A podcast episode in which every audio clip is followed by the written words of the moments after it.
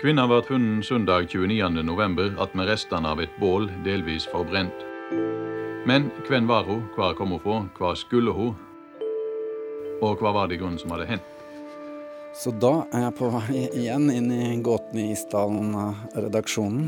Og det har jo skjedd eh, mye. Det var jo spennende sist med tannemaljen som pekte både mot uh, Tyskland og Frankrike. Og her borte ser jeg folka sitter. Marit, ja, det var, det var spennende sist. Absolutt, det var kjempespennende. Men det har skjedd, skjedd litt? Det er litt sånn internasjonal interesse rundt uh, alt sammen nå? Ja, vi er blitt litt tatt på senga skal si, av at eh, det plutselig ble så voldsom internasjonal oppmerksomhet da, rundt saken vår. Men dere har hatt mm, besøk av BBC eh, for ikke så lenge siden, og jeg var, eh, var litt flue på veggen da, da reporter Hellier Chong var her. Så jeg skal høre litt hvordan det foregikk, og hva hun uh, var interessert i.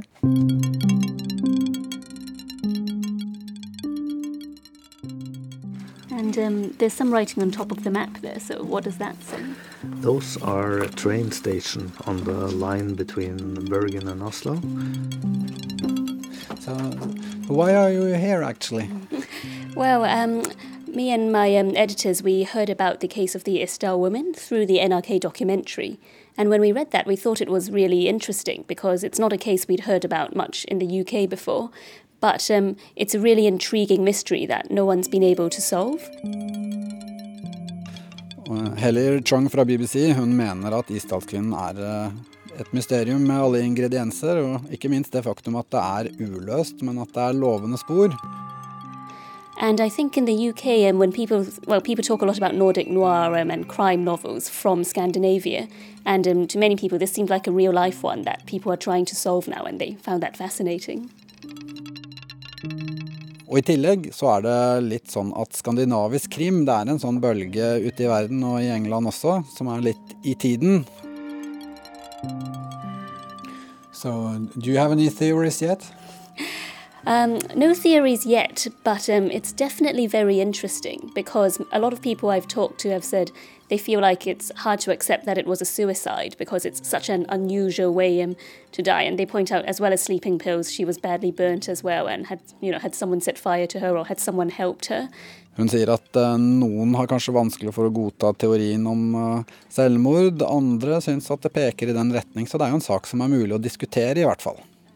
On the other hand, um, of course, a lot of people would argue that perhaps she was um, perhaps she was very paranoid because it seemed, and well, if she was paranoid, then perhaps she, it's something she could have done to herself. But there are lots of question marks over lots of aspects of the story. Øyvind og Marit, hva, hva, har kommet i kjølvannet av eh, BBCs eh, oppslag? Nei, det har jo uh, på en måte tatt ut proppen i forhold til at saken har begynt å spre seg ganske mye mer internasjonalt enn vi hadde sett til nå. Du har samla litt hvilke oppslag som har vært nå siste tiden. Har du det tilgjengelig bort på maskinen? Se om vi finner det. BBC laga det jo i utgangspunktet som på engelsk.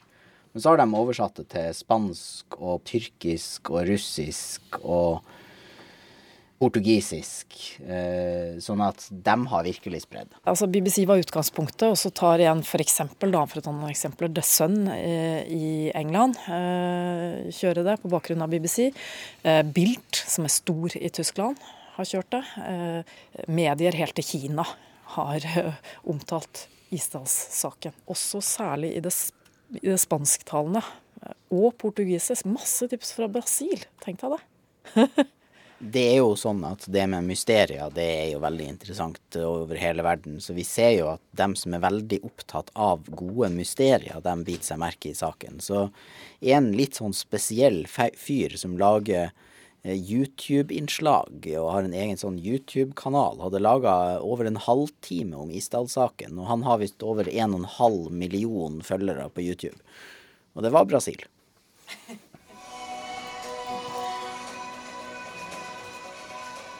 Jeg skjønner ikke så mye ut av det, men det er et eller annet om at dagens episode handler om noe om Isdalen. Eh, Amulier de Isdalen. Det er Isdalskvinnen, det, da. Vil tro det.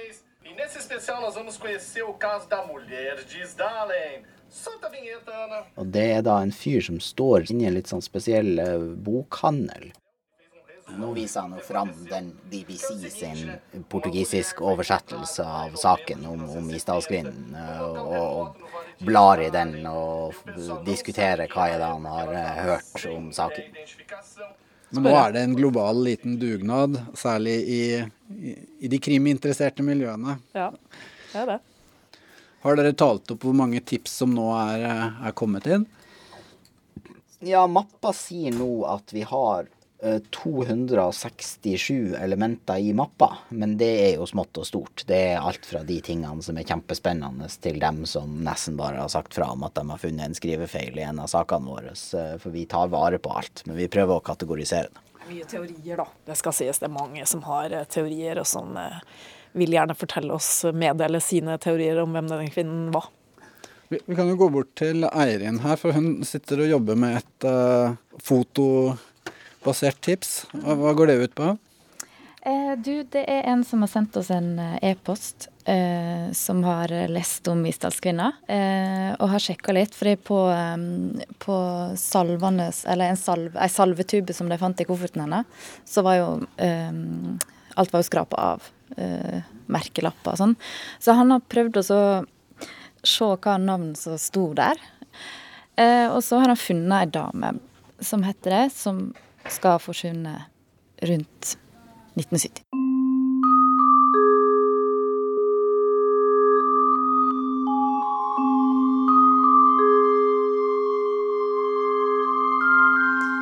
Her, her, ser vi et, det er som et uh, skolebilde, så her mm. er hun åpenbart lærerinne, da.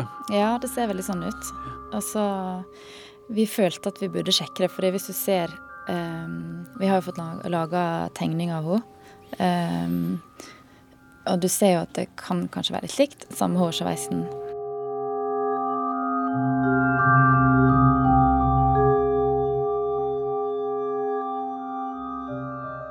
Nå skal vi sende dette bildet her til de som faktisk har møtt henne. De som jobber på hotellet hun var på.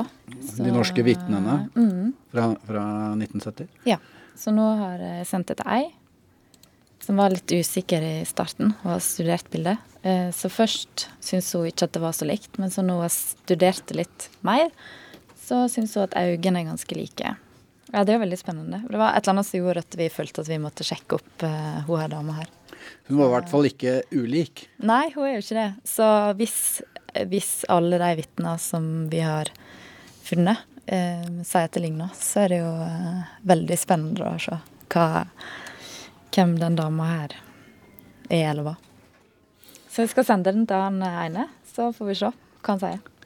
Frank, var det han som jobba i eh, Det var han som jobba på Hotell Neptun i Bergen i 1970. Han bar opp bagasjen til Isdalskvinna på rommet og prøvde å prate med henne i heisen. Og Nei, ikke, ikke, fikk så mange ord ut av henne. Men eh, han har jo aldri glemt denne dama. Nå skriver jeg til han at her er, her er et bilde. Um, se hva du syns om det ligner på Isas kvinne, sånn som han husker. Sånn. Så sender vi det av gårde. Sånn. Så får vi vente og se. Følg Gåten i Isdalen på nrk.no. Dere møtte Marit Higraf, Øyvind By Skille og Eirin Årdal. Ny episode av podkasten neste uke. Jeg heter Kjetil Saugestad.